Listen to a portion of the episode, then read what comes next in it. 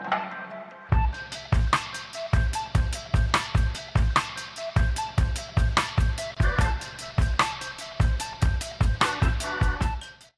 hallo allemaal, leuk dat jullie luisteren naar de eerste aflevering van de Jongeren Global Goals OS podcast.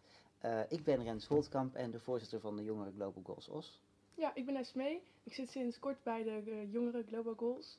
En ik vind het heel erg leuk om met een hele enthousiaste groep mee te werken aan een uh, betere wereld. Ja. Mooi. Mijn naam is Josette Dijkhuizen en ik ben zeer vereerd dat ik de eerste podcast met jullie mag opnemen. En ik ben honorair hoogleraar, ondernemer en ik doe veel met de SDG 5 en 8. Ja. Dus daar zullen we het zo wel over hebben, denk ik. Daar gaan we het zeker ja. zo over hebben. Dat is het hele idee van vandaag. Uh, wij zitten hier nou in de bibliotheek van OTS in het stadsarchief. Dus mocht jij dadelijk een vraag hebben die je niet kunt beantwoorden, dan staat achter jou de Winkler Encyclopedie van 80 kilo. dus mocht je het nodig hebben, kun je het altijd opzoeken. Ja, oké, okay, prima. um, nou, we beginnen altijd met de rubriek wat, wat, wat. Dus wat is er, speelt er bij jou en bij mij? Dan weet iedereen een beetje wat er in ons leven omgaat. Um, ik ben nu Sapiens aan het lezen, een kleine geschiedenis van de mens. En ik vind het heel leuk hoe Noah Yuval Harari het voor elkaar krijgt om geschiedenis, maar ook biologie en maatschappijleer en filosofie in één boek te verwerken. En het toch, dat het toch mooi uitkomt. Dus daar ben ik uh, vooral heel verrast over.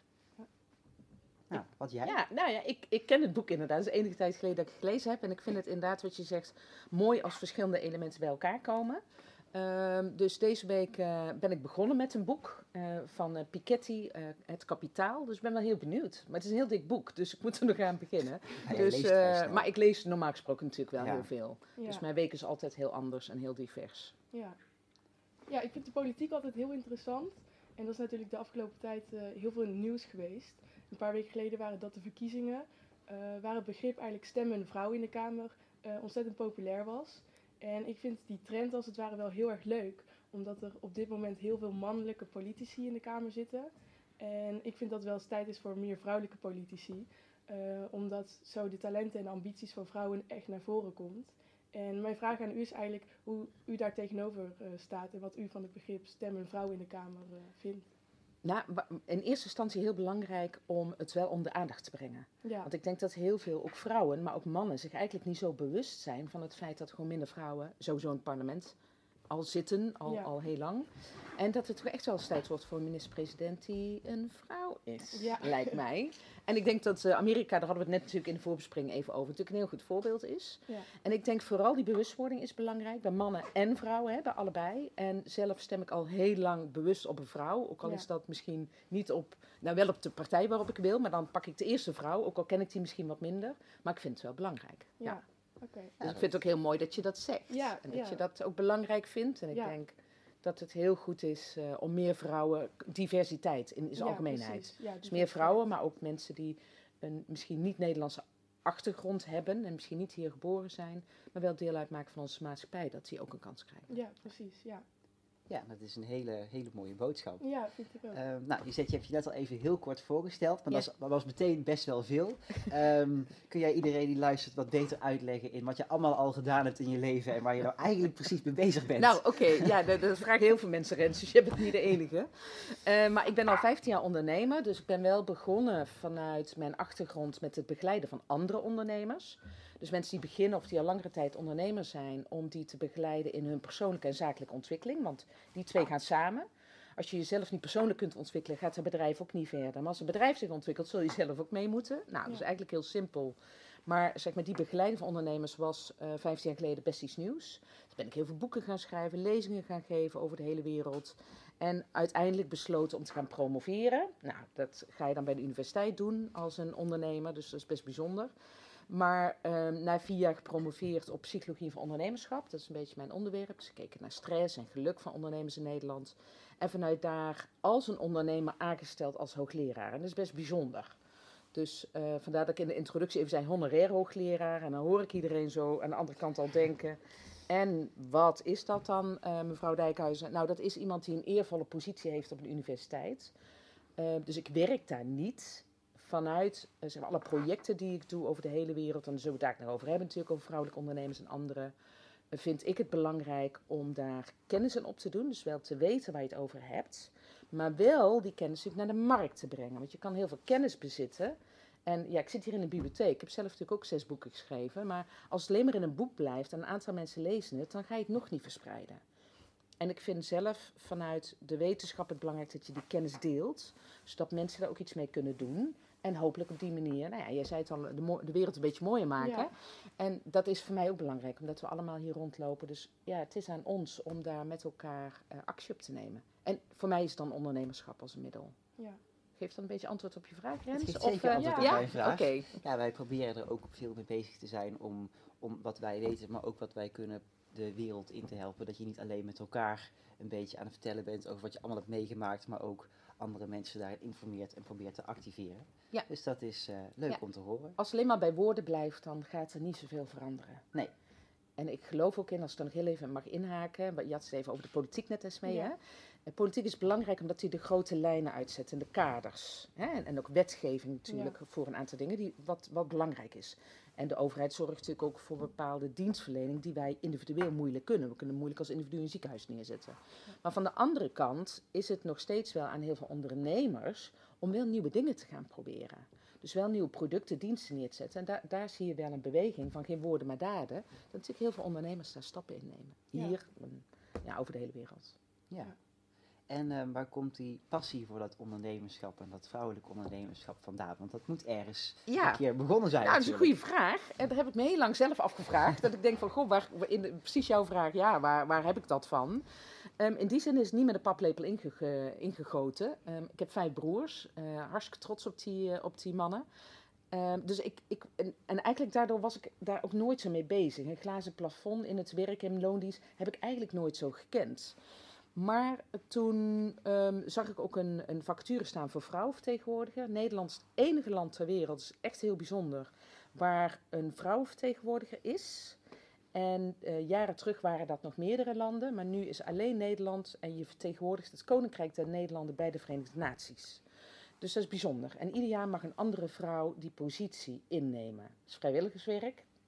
Eh, dus kost je heel veel tijd en eh, je krijgt er niet voor betaald. Maar de ervaring die je hebt om iets te mogen doen voor vrouwen over de hele wereld is natuurlijk iets heel bijzonders. Dus toen ik die vacature zag en uiteindelijk ook de vrouw vertegenwoordiger mocht zijn in 2013, ehm, ik was natuurlijk al aan het kijken van goh, hoe kun je ook in de politiek bijvoorbeeld als vrouw zijn verder komen? Of hoe kan ik in ondernemerschap, wat echt een mannenwereld is, verder komen als vrouw? Dus ik was wel met die thema's bezig, maar sinds ik dat mocht doen in 2013 en ook de VN in New York mocht toespreken, wat natuurlijk fantastisch is om, om überhaupt te mogen doen. Maar dan ga je verdiepen in allerlei thema's en dan merk je ook dat er gewoon heel veel thema's zijn waar vrouwen een achterstand hebben. Een ongelijkheid van betaling, maar ook het thema van de VN dat jaar was geweld tegen vrouwen en meisjes. En zo heel veel luisteraars denken, oh, ik ga een heel zwaar onderwerp. Nou, ik vind dat echt een enorm taboe in Nederland. En ik vind dat wij ook dat soort taboes, hè, want het is allemaal achter de voordeur, waar heel veel vrouwen de diepe van zijn, slachtoffers en ook kinderen, dat je dat soort onderwerpen echt op de kaart moet zetten. En dat gaat ook over vrouwenrechten, over mensenrechten. En zo ben ik eigenlijk, heel lang antwoord op jouw vraag, maar zo ben ik vanuit ehm, zeg maar die positie te mogen bekleden als vrouwenvertegenwoordiger een jaar lang. Tegelijkertijd was ik ondernemer, ik was aan het promoveren. En toen dacht ik, ja, maar dan, is, dan zijn dat thema's waar ik ook als vrouw zijnde de barricade voor op moet springen. Ehm, en, en daar is wel ook het nog meer aangewakkerd van vrouwenrechten. En daar is mijn passie vandaan gekomen om te denken van... Ja, eigenlijk ben ik maar een eenling in een mannenwereld. Of een van de weinige vrouwen. Ja, hoe mooi is het dan dat je wel die positie kunt pakken? Ja. Je kan er twee dingen mee doen. En dat geldt natuurlijk ook als jij ooit politiek in zou willen, Esmee. Ja. Is het ook, je kan zeggen, ik blijf erop mopperen. Ik blijf er tegen hè, eh, woorden gebruiken om er niks mee te doen. Maar je kan ook zeggen, ja dat is dan zo. Maar wat kan ik dan als mens, maar ook als vrouw, doen om wel dingen op de kaart te zetten? En dan, dan zit daar toch een stuk passie wat ik dus heb gemerkt. Dat ik dacht, ja, dit, hier word ik wel... Ik word niet blij van wat ik allemaal hoor of wat ik zie.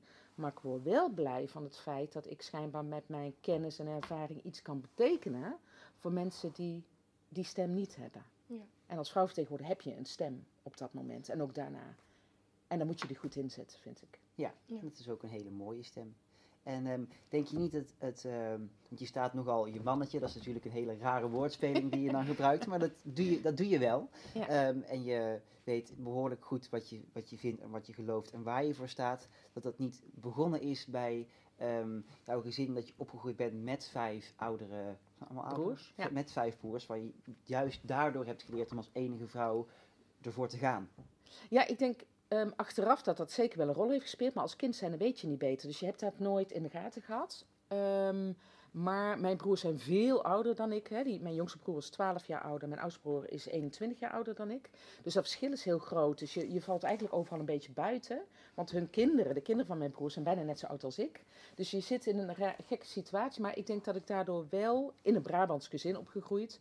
Ehm, ja, ook wel van doe maar normaal, doe je al gek genoeg. Hè? Dus doe gewoon je best en zorg dat je goed bent, hè? een goed mens bent. Dat heb ik wel meegekregen. En misschien toch wel een stukje sta je mannetje, dat zou kunnen. Hoewel iedereen natuurlijk zegt, ja, daar zegt ze, maar die is natuurlijk hartstikke verwend door al die mannen. Ehm, ik blijf maar volhouden dat dat niet zo is. En mijn moeder blijft maar zeggen, nee, Juzet, dat was helemaal niet zo. Dus ja, dus waarschijnlijk heb ik daar wel, eh, wel voor mezelf leren opkomen. En wel zelfstandig geworden en opgegroeid. Omdat je, ja, natuurlijk met vijf oudere broers, ja, je moet wel zorgen dat die gehaktbal ook op jouw bord ligt. Ja. Zeg maar, hè? Dus, dus niet dat, hè, ik bedoel, ik moest ook gewoon eten en opgroeien. En, eh, dus dat, ja, dus je, je moest wel meedoen. Ja. Ja. Ja, u noemde toen net al de doelen 5 en 8.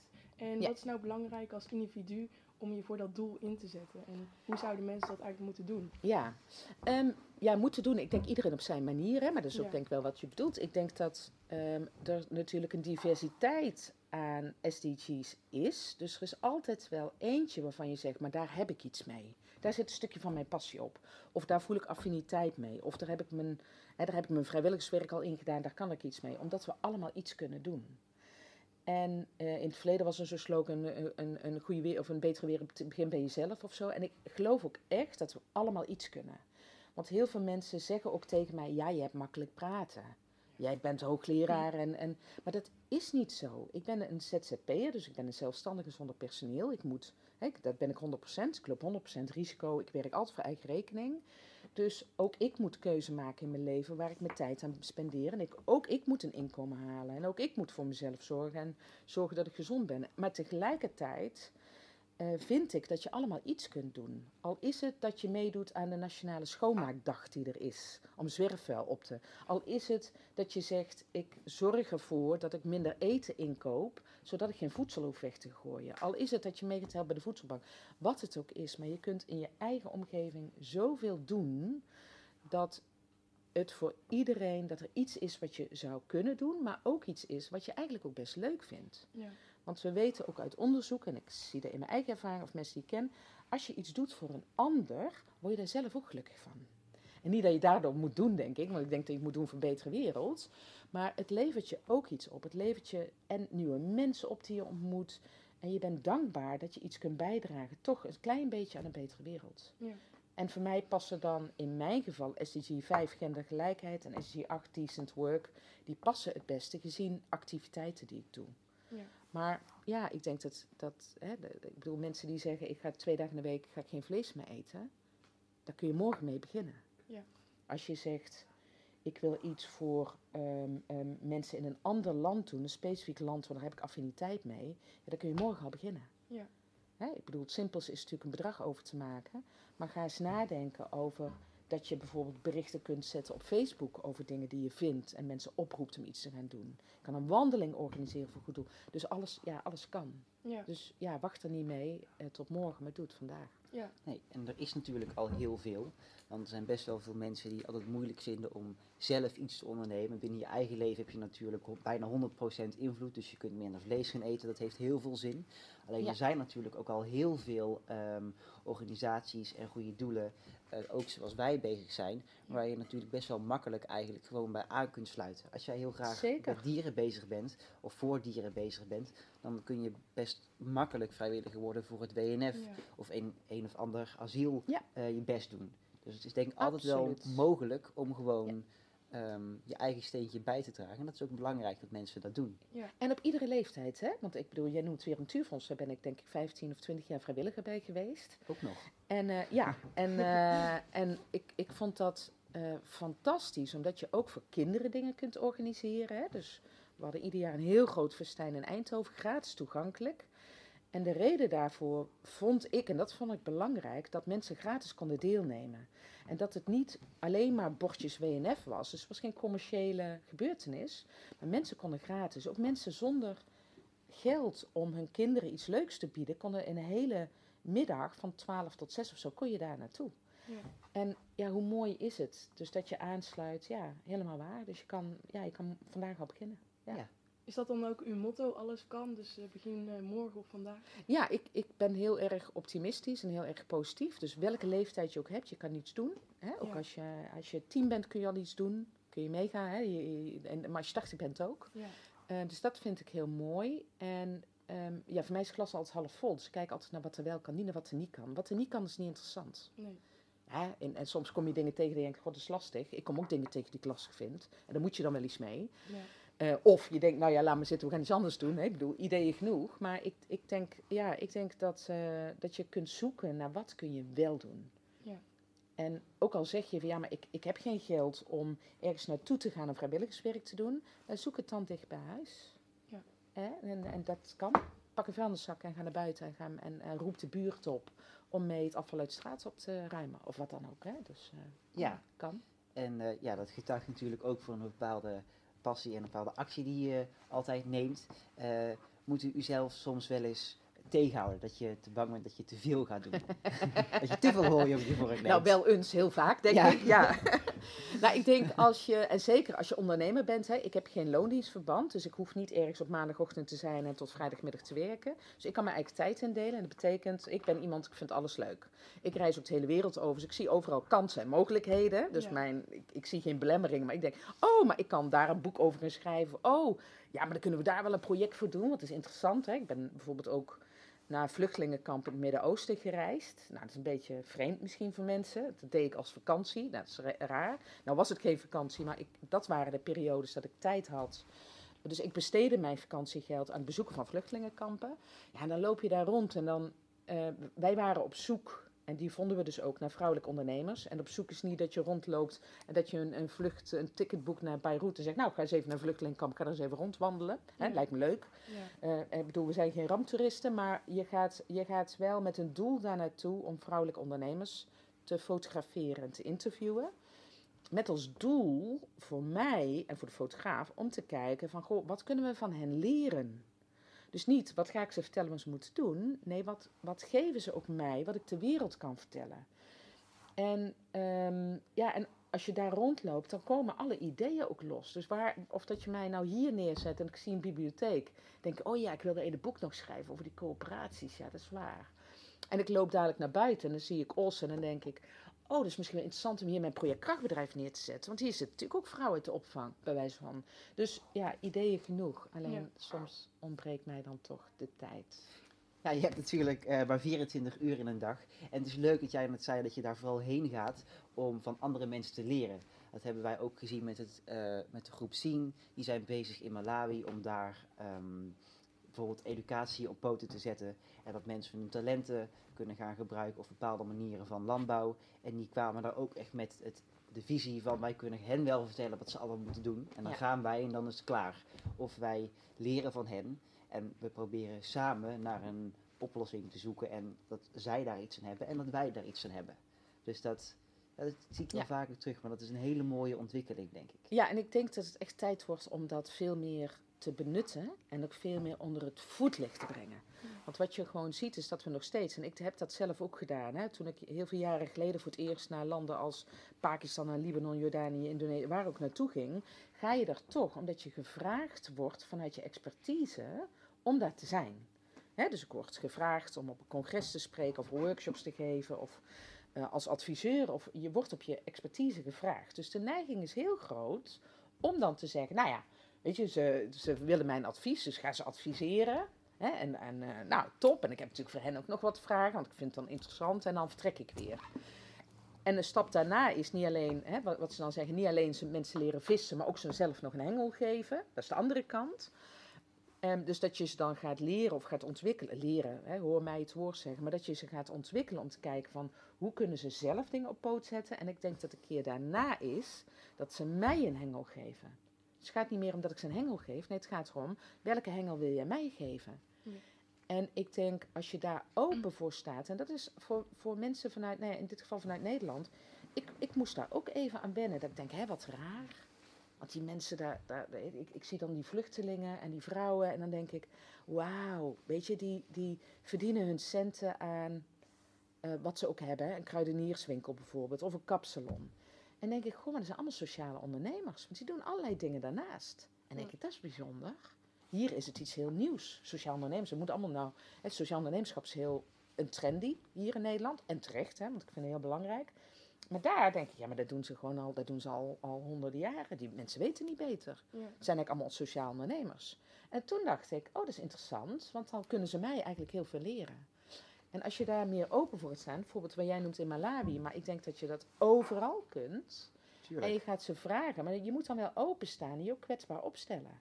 Ja. En wij worden toch gezien, ook door hen, hè, want zij benaderen mij met hè, alle egaars van mevrouw de professor en hoe vindt u dat en wat kunt u ons leren. En daar moet je dan zelf ook gaan eh, je bewust van zijn om die vraag ook om te draaien en te zeggen van nou, weet je, en, en, en, wat zouden jullie mij willen meegeven? En dat vinden mensen heel moeilijk, omdat ze zich echt wel, ja, ze voelen zich minder dan mij. Ja. Vanwege, omdat ik een westerse vrouw ben en nog een hoogleraar. En dan zit daar toch iets van hiërarchie, hoewel ik dat niet wil. En dan duurt het even en dan denken ze, oh, dat is ook maar gewoon een mens. Ja. En goh, die mevrouw die heeft eigenlijk, nou, die wil eigenlijk van mij iets leren. Dat is leuk. En wat is dan de belangrijkste factor of ingrediënt die je moet hebben als een ondernemer om eh, succesvol te zijn? Ja, daar moet je, ehm, ik, wat die mensen heel goed kunnen, en waar, wij echt, waar ik en anderen ook echt van hebben geleerd, zij kunnen met niks iets maken. Ja. Hè, hier willen we pas beginnen, bewijzen van, dat is niet bij iedereen. Als je genoeg geld hebt, en je moet dit, en je moet zus, en je hebt een heel businessplan, en, en dat is allemaal belangrijk, hè, dus ik wil niet zeggen dat het niet belangrijk is, maar zij beginnen eigenlijk met niks, want ze hebben niks, of bijna, eh, ze hebben bijna niks, Ja. en dan beginnen ze toch. En dan denk ik, oh, wat, ja, dat is wel heel, ja, vind ik wel heel ondernemend. Ja. Eh, ze hebben heel veel doorzettingsvermogen, omdat de problemen eh, zeg maar, van een, een bedrijfje in een vluchtelingenkamp echt andere problemen geeft dan een bedrijfje hier op starten. Andere eh, ze hebben andere uitdagingen, denk ik, dan hier. Ehm, en ik vind dat mensen heel goed kunnen improviseren. Want ja, dagen zijn altijd anders. Hier zijn ze iets voorspelbaarder, dus ze improviseren. En ik denk dat dat wel iets heel moois is om van hen ook te leren. Ja. Ehm, ja, ze zijn ook nieuwsgierig. Ja. Ehm, en ja, wij, wij willen wel, we hebben heel veel structuur hier. We willen graag volgens die structuur. Hè. We gaan van A naar B naar C. En daar, ja, dan ga je van A naar F, maar je gaat een keer terug naar B. Of, en, en, en zeg maar, die flexibiliteit, die wendbaarheid is wel iets waarvan ik denk, dat, daar kunnen we nog wel wat van leren, die veerkracht. Ja. Ja. En ook doorzettingsvermogen, denk ik ook. Ja. Als het een keertje iets tegenvalt, dan. eh, Ja. ja. En dat geldt hier ook. Hè. Doorzettingsvermogen is natuurlijk een van de belangrijkste ondernemerseigenschappen, ook hier Ja. In Nederland. Alleen onze problemen zijn wel van andere orde als daar. Ja. Hè, daar zit je in de vluchtelingenkamp en je weet gewoon niet of er morgen, hè, in sommige kampen, daar, daar, en niet in ieder kamp is heel veel geweld, maar die zijn er natuurlijk wel. Er zijn natuurlijk vluchtelingenkampen. En niet ieder kamp hetzelfde, hè, want er is heel veel variëteit in. Er zijn natuurlijk kampen ja, waar van de een op de andere dag, ja, heb je nog wel een voedselbon, is er nog wel eten, ehm, ja, kun je je kinderen nog wel naar school brengen. We zijn in vluchtelingenkampen geweest waar in één keer scholen zijn gesloten, VN-scholen. Ja, dan, dan, dan kan je kind niet meer naar school. Nee. Nou, dat is wel, als, als, als ouder zijnde, is dat wel een heel dramatisch gegeven. Ja. Dus ja, dus je moet heel flexibel zijn en veerkracht tonen en heel veel doorzettingsvermogen hebben. Ja. En dat vind ik bewonderenswaardig, ja. Ja. En hoe vindt u het dan als wij zoveel van ehm, dat soort mensen te leren hebben over de hele wereld, dat wij in Europa alsnog heel vaak denken van, oh wij gaan het maar wat leren en zij gaan het volgens onze manier doen. Ja, Terwijl ja, die instelling die wij als het rijke, geleerde Westen hebben eigenlijk niet helemaal klopt. nee, het past niet altijd. Hè, wij zijn wel altijd genegen om ze te gaan vertellen met een vingertje te wijzen. Ja, Ja. maar dit mag je zo niet. Dit is het systeem en zo ga je het doen. Hoewel eh, systemen en, en zeg maar structuren in landen natuurlijk anders zijn. Hè, dat hebben we natuurlijk ook gezien eh, in bijvoorbeeld eh, dat heel veel Nederlandse militairen naar Afghanistan zijn. Daar zijn tribes, daar zijn clans, daar zijn andere structuren als waar wij gewend zijn bijvoorbeeld. In de vluchtelingenkamp heb je ook een andere structuur, want dat is echt een community binnen een stad. Dus dat werkt anders. Daar zijn andere informele structuren die ik ook niet weet en ik ook niet ken. En dan kan iemand tegen mij vertellen, hè, dat werkt anders in vluchtelingenkamp uh, in Borzo Berashne, in Zuid-Beirut of in Shatila of in Zatari, wat een heel andere campus in Libanon, ja, dat zijn andere structuren. En dan kan iemand mij vertellen, maar ik voel het niet. Omdat ik niet zo goed aanvoel waar ik op moet letten. En uh, dus, uh, dus ik denk dat openstaan voor het vragen, maar ook openstaan niet alleen maar, zeg maar rationeel van hoe werkt het dan hier, hè? Wel, wat zijn onze structuren, maar ook andere vragen stellen van goh, wat, wat doe je dan als je geld tekort komt? Naar wie ga je toe als ondernemer? Ja, ja dan gaan ze niet naar een bank. Nee.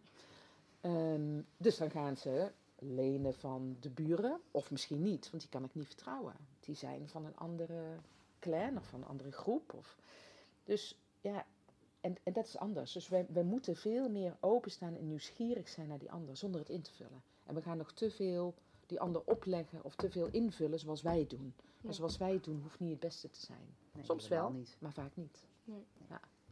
nee. En um, hoe ziet u eigenlijk de toekomst voor u? Wat, uh, welke projecten staan er nog op uw plan? Ja, nou. nu, kom, nu uh, komt het. Nou, ja, ja, ja, komt, vragen. ja nee, nee, nou je gaat de hele tijd op te wachten. Nee, nee, dat is niet zo. Maar leuke vraag. Um, ik heb natuurlijk die vluchtelingenkampen bezocht en vrouwelijke ondernemers. En ik vind het belangrijk om hun verhalen te vertellen. Ze hebben mij de tijd gegund om met hen in gesprek te gaan. En ik heb ook tegen allemaal gezegd, ik vind jullie verhalen belangrijk. Ik neem ze mee en ik ga daar iets mee doen. Dus ik heb natuurlijk al op allerlei podia hun verhalen verteld. Hè, over de Saba's en de Nouria's en andere vrouwen die ik er heb mogen ontmoeten. Maar voor mij is het ook wel tijd om na te denken. En ik heb daar nog niet het antwoord op. Wat moeten we, moeten we wat zouden we kunnen doen om echt een bijdrage te leveren aan hun verdere ontwikkeling? Ja. En dat heeft te maken met misschien het geven van kennis of ontwikkeling. En dat gebeurt al door VN-organisaties, maar het levert nog niet genoeg op. En ik ben gewoon nog aan het bedenken van wat zou, ik wat zou ik de internationale community willen zeggen, wat we eigenlijk voor hen zouden moeten doen. Nou, dat is één project, dat is al best een project. Ja. En daar wil ik dan een boek over gaan schrijven, maar dat vind ik nog echt wel een lastige. En gezien constructen die er ook in bepaalde landen zijn, hè, en, en zeg maar niet mijn mening opleggen, maar samen te gaan kijken wat er zou kunnen. Dat is één project. Anderzijds ben ik vanuit, um, ik heb in Nederland Krachtbedrijf, is een stichting. En vanuit vrouwenvertegenwoordigers zijn, waar ik het straks over had, ben ik een stichting begonnen in Nederland, Stichting Krachtbedrijf. En ik help dus vrouwen uit de opvang, ex-sekswerkers, dak- en thuislozen, vluchtelingen bij het opzetten van een bedrijf in Nederland. Ja.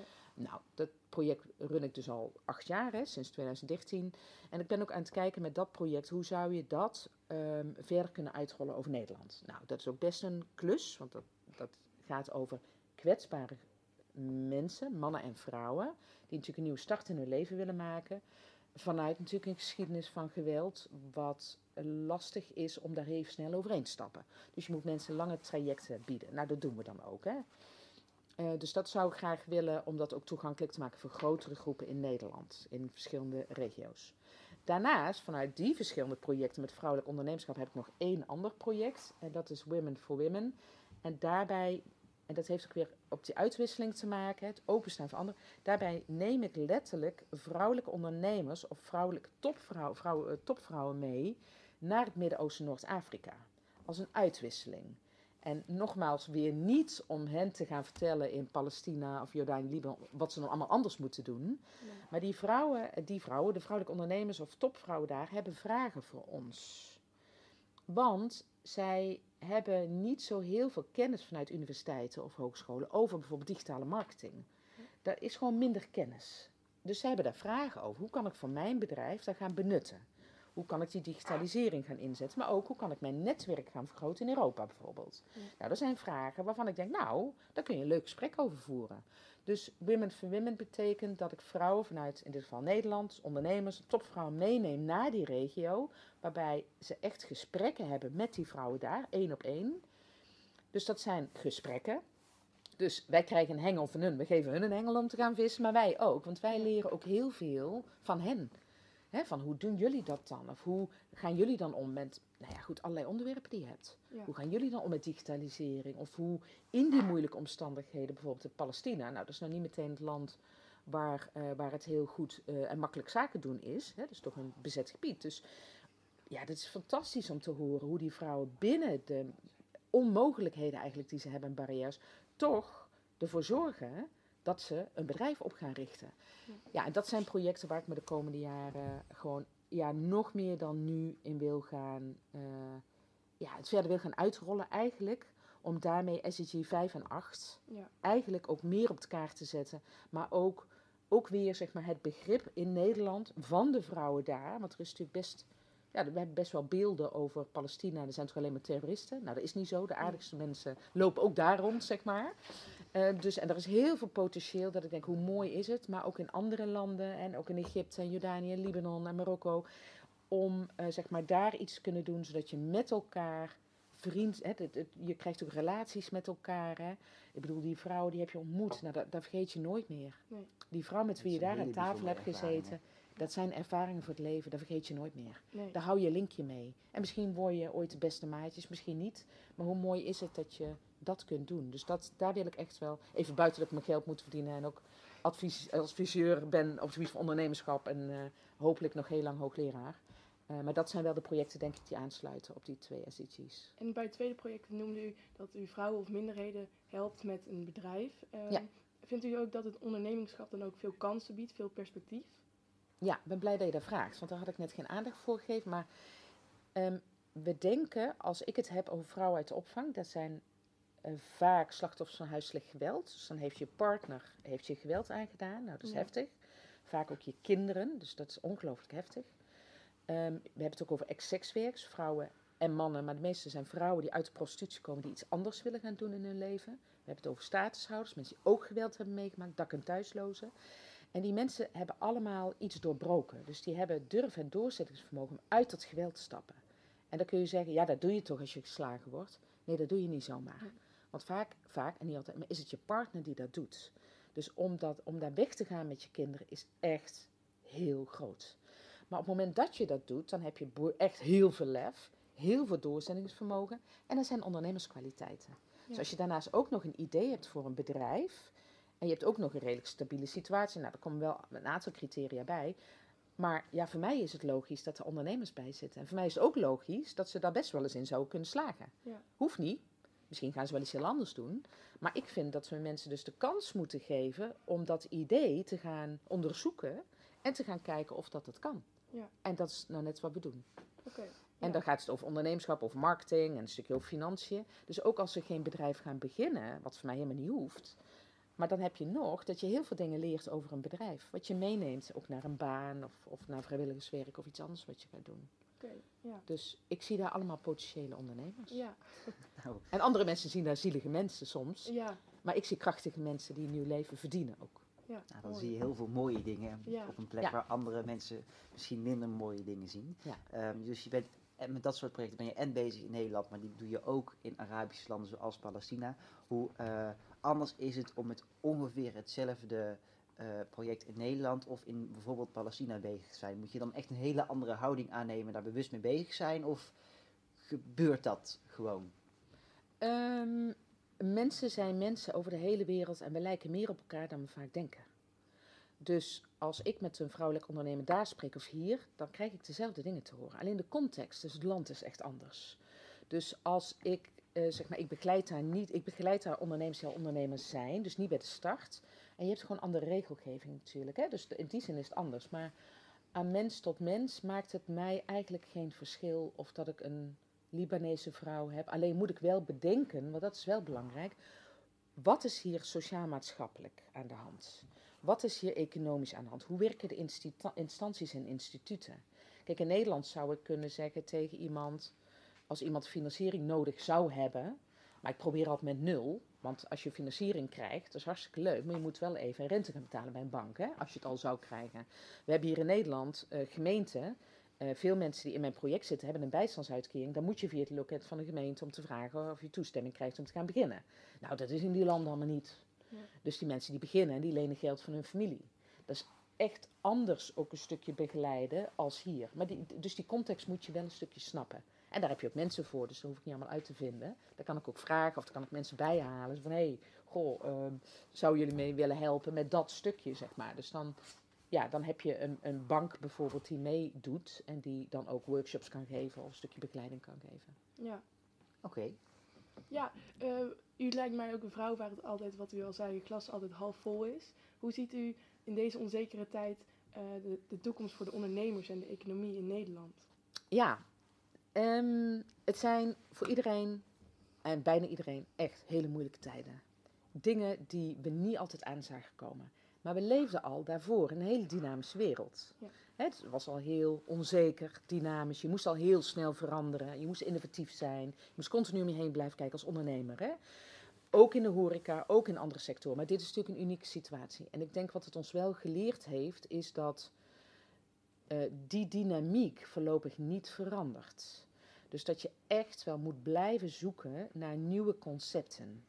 En dat je ook moet zorgen, want dat laat het ook wel zien, dat je niet al het geld wat je in je bedrijf hebt zitten, en je moet natuurlijk investeren in je bedrijf, maar dat die buffer dus ook wel belangrijk is. Ja. Want zonder buffer, de, de mensen zonder buffer, of die, en dat snap ik, als je net je horecazaak in maart 2020 hebt gestart en je hebt daar je spaarcentjes in gestopt, ja, dan zijn die nu verdampt. Ja. En heb je niks meer.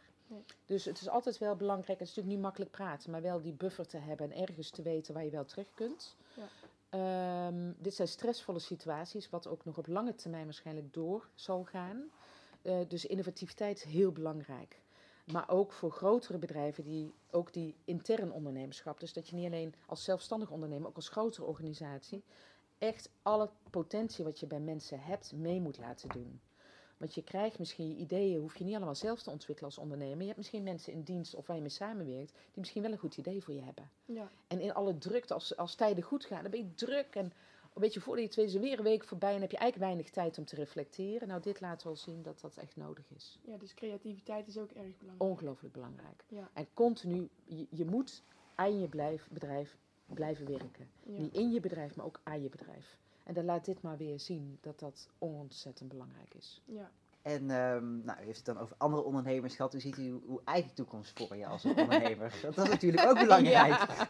nou, ik heb heel veel tijd gehad om te reflecteren daarop. Hè. Dus, eh, dus in die zin eh, heb ik dat moment ook zeker genomen. En ja, dat vond ik wel leuk dat je zei net, Esmee, goh, eh, u bent wel iemand waar het glas half vol is. Ja, dat is ook zo. Dus ik kijk Ja. altijd wel weer naar nieuwe mogelijkheden. Ehm, en ja, ik zie ook heel veel mooie dingen ontstaan. Dus weet je, dat we hier nu zitten met deze podcast, met jullie als jongeren die bezig zijn met SDG's. Ja, dat is natuurlijk fantastisch. Ja. En ik denk voor mij deze tijd is ook weer om te kijken van... ehm, ook te bedenken hoe ziet de wereld er straks uit. Ook te bedenken van goh, wat gaat mijn rol ook zijn. Ook in het kader van SDG's, ook in het kader van mijn projecten. Maar ook in het kader van het bredere plaatje. Wat, wat zou ik daarmee willen? Wat zou ik willen? Ook vanuit mijn wetenschappelijke kant. Wat zou ik willen ook om daar verder in te verdiepen en aandacht te vragen. En dan is voor mij sociaal ondernemerschap echt een thema waar ik al langer mee bezig ben. Waarvan ik wel denk, daar, daar moet, moet het tussen aanhalingstekens. Maar daar, daar zit wel mijn bijdrage ook voor de komende jaren nog veel meer in. Ja. Met onderzoeken, met uitdragen, met bedrijven daarin te ondersteunen. En ook waar we het straks over hadden, hè, dat anders naar de wereld kijken. Dus de wereld een beetje omdraaien om te kijken wat kunnen we van hen leren. Ja. Ik had vorige week eh, met een, eh, een goede vriend van mij, eh, die, dat is een Engelsman.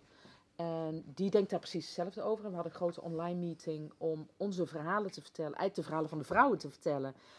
Wat dan een beetje ook onze visie is geworden over die wereld omdraaien. Wat kunnen we van hen leren?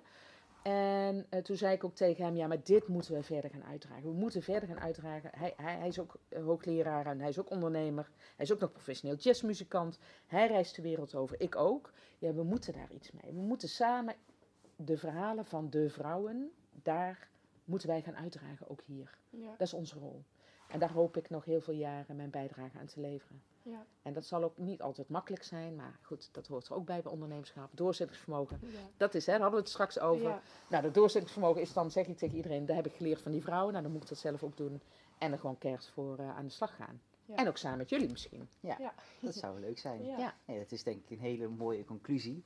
Ehm, we gaan denk ik een beetje afsluiten. We eindigen de podcast dan steeds waar wij en waar ook de gast dan steeds mee bezig is. Ja. Ehm, nou, wij zijn natuurlijk heel erg druk bezig met deze podcast Ja. maken. En we hebben ook al wat nieuwe gasten op de planning.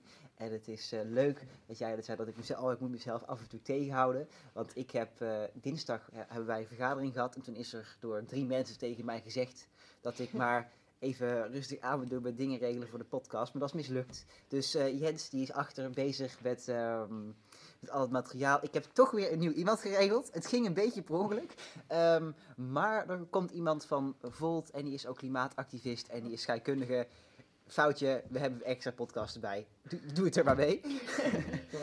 en eh, Jens en Londen zijn ook bezig met een artikel over de week zonder vlees. Ja. Die wij de laatste tijd eh, hebben wij gedaan. Dat was best wel succesvol.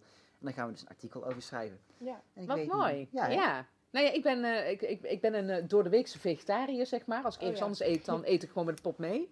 Dus, eh, en eh, die week zonder, ja, dat moeten we gewoon heel veel doen. Ja. Ja. Ja, dan moeten uh, 52 weken zonder, nou is misschien een beetje overdreven, maar laat Ja. ik 50 Ja, of weken net als zonder ik. Ik vlees. doe door de week Ja, geen precies. vlees, in het weekend dan wel, soms of, of iets anders. Het Dus, scheelt Ja. zoveel. Iedere dag dat je dit niet doet, maak je, weer, maak je weer zelf het verschil. Ja, precies. En dat is weer je eigen inbreng die je dan hebt. Ja. Nou, heel veel succes daarmee. Ja, Klinkt Ja. goed. ik eh, ga daarmee afsluiten. Ik wil iedereen hier bedanken. En ik wil iedereen die heeft geluisterd bedanken. En ehm, hopelijk Zeker. tot de volgende podcast. Ja, Ik vond Ja. het heel erg leuk om met u eh, te praten. Ik Ja. ook. Wees gelijks. Leuk, succes. Dankjewel.